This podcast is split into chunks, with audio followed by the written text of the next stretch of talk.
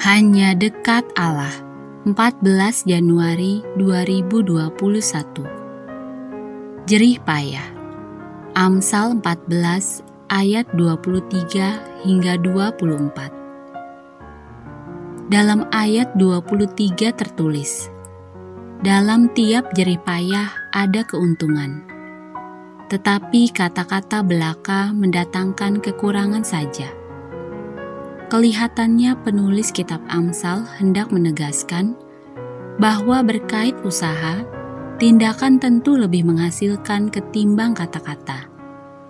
Dengan kata lain, jangan banyak omong. Ada juga ungkapan dalam bahasa Jawa, rame inggawe, giat dalam karya. Dalam Alkitab Bahasa Indonesia masa kini tertera, dalam setiap usaha ada keuntungan. Obrolan yang kosong membuat orang jatuh miskin. Dalam ilmu fisika, usaha mensyaratkan gerak. Oleh karena itu, meski Atlas mengangkat langit, tentu saja itu capek, usaha yang dilakukannya adalah nol. Sekali lagi, karena Atlas tidak bergerak, karena itulah, ketimbang ngobrol tidak ada juntrungannya dan pasti tidak menghasilkan apa pun, penulis kitab Amsal mendorong pembacanya untuk melakukan sesuatu. Sejatinya itulah tindakan bijaksana.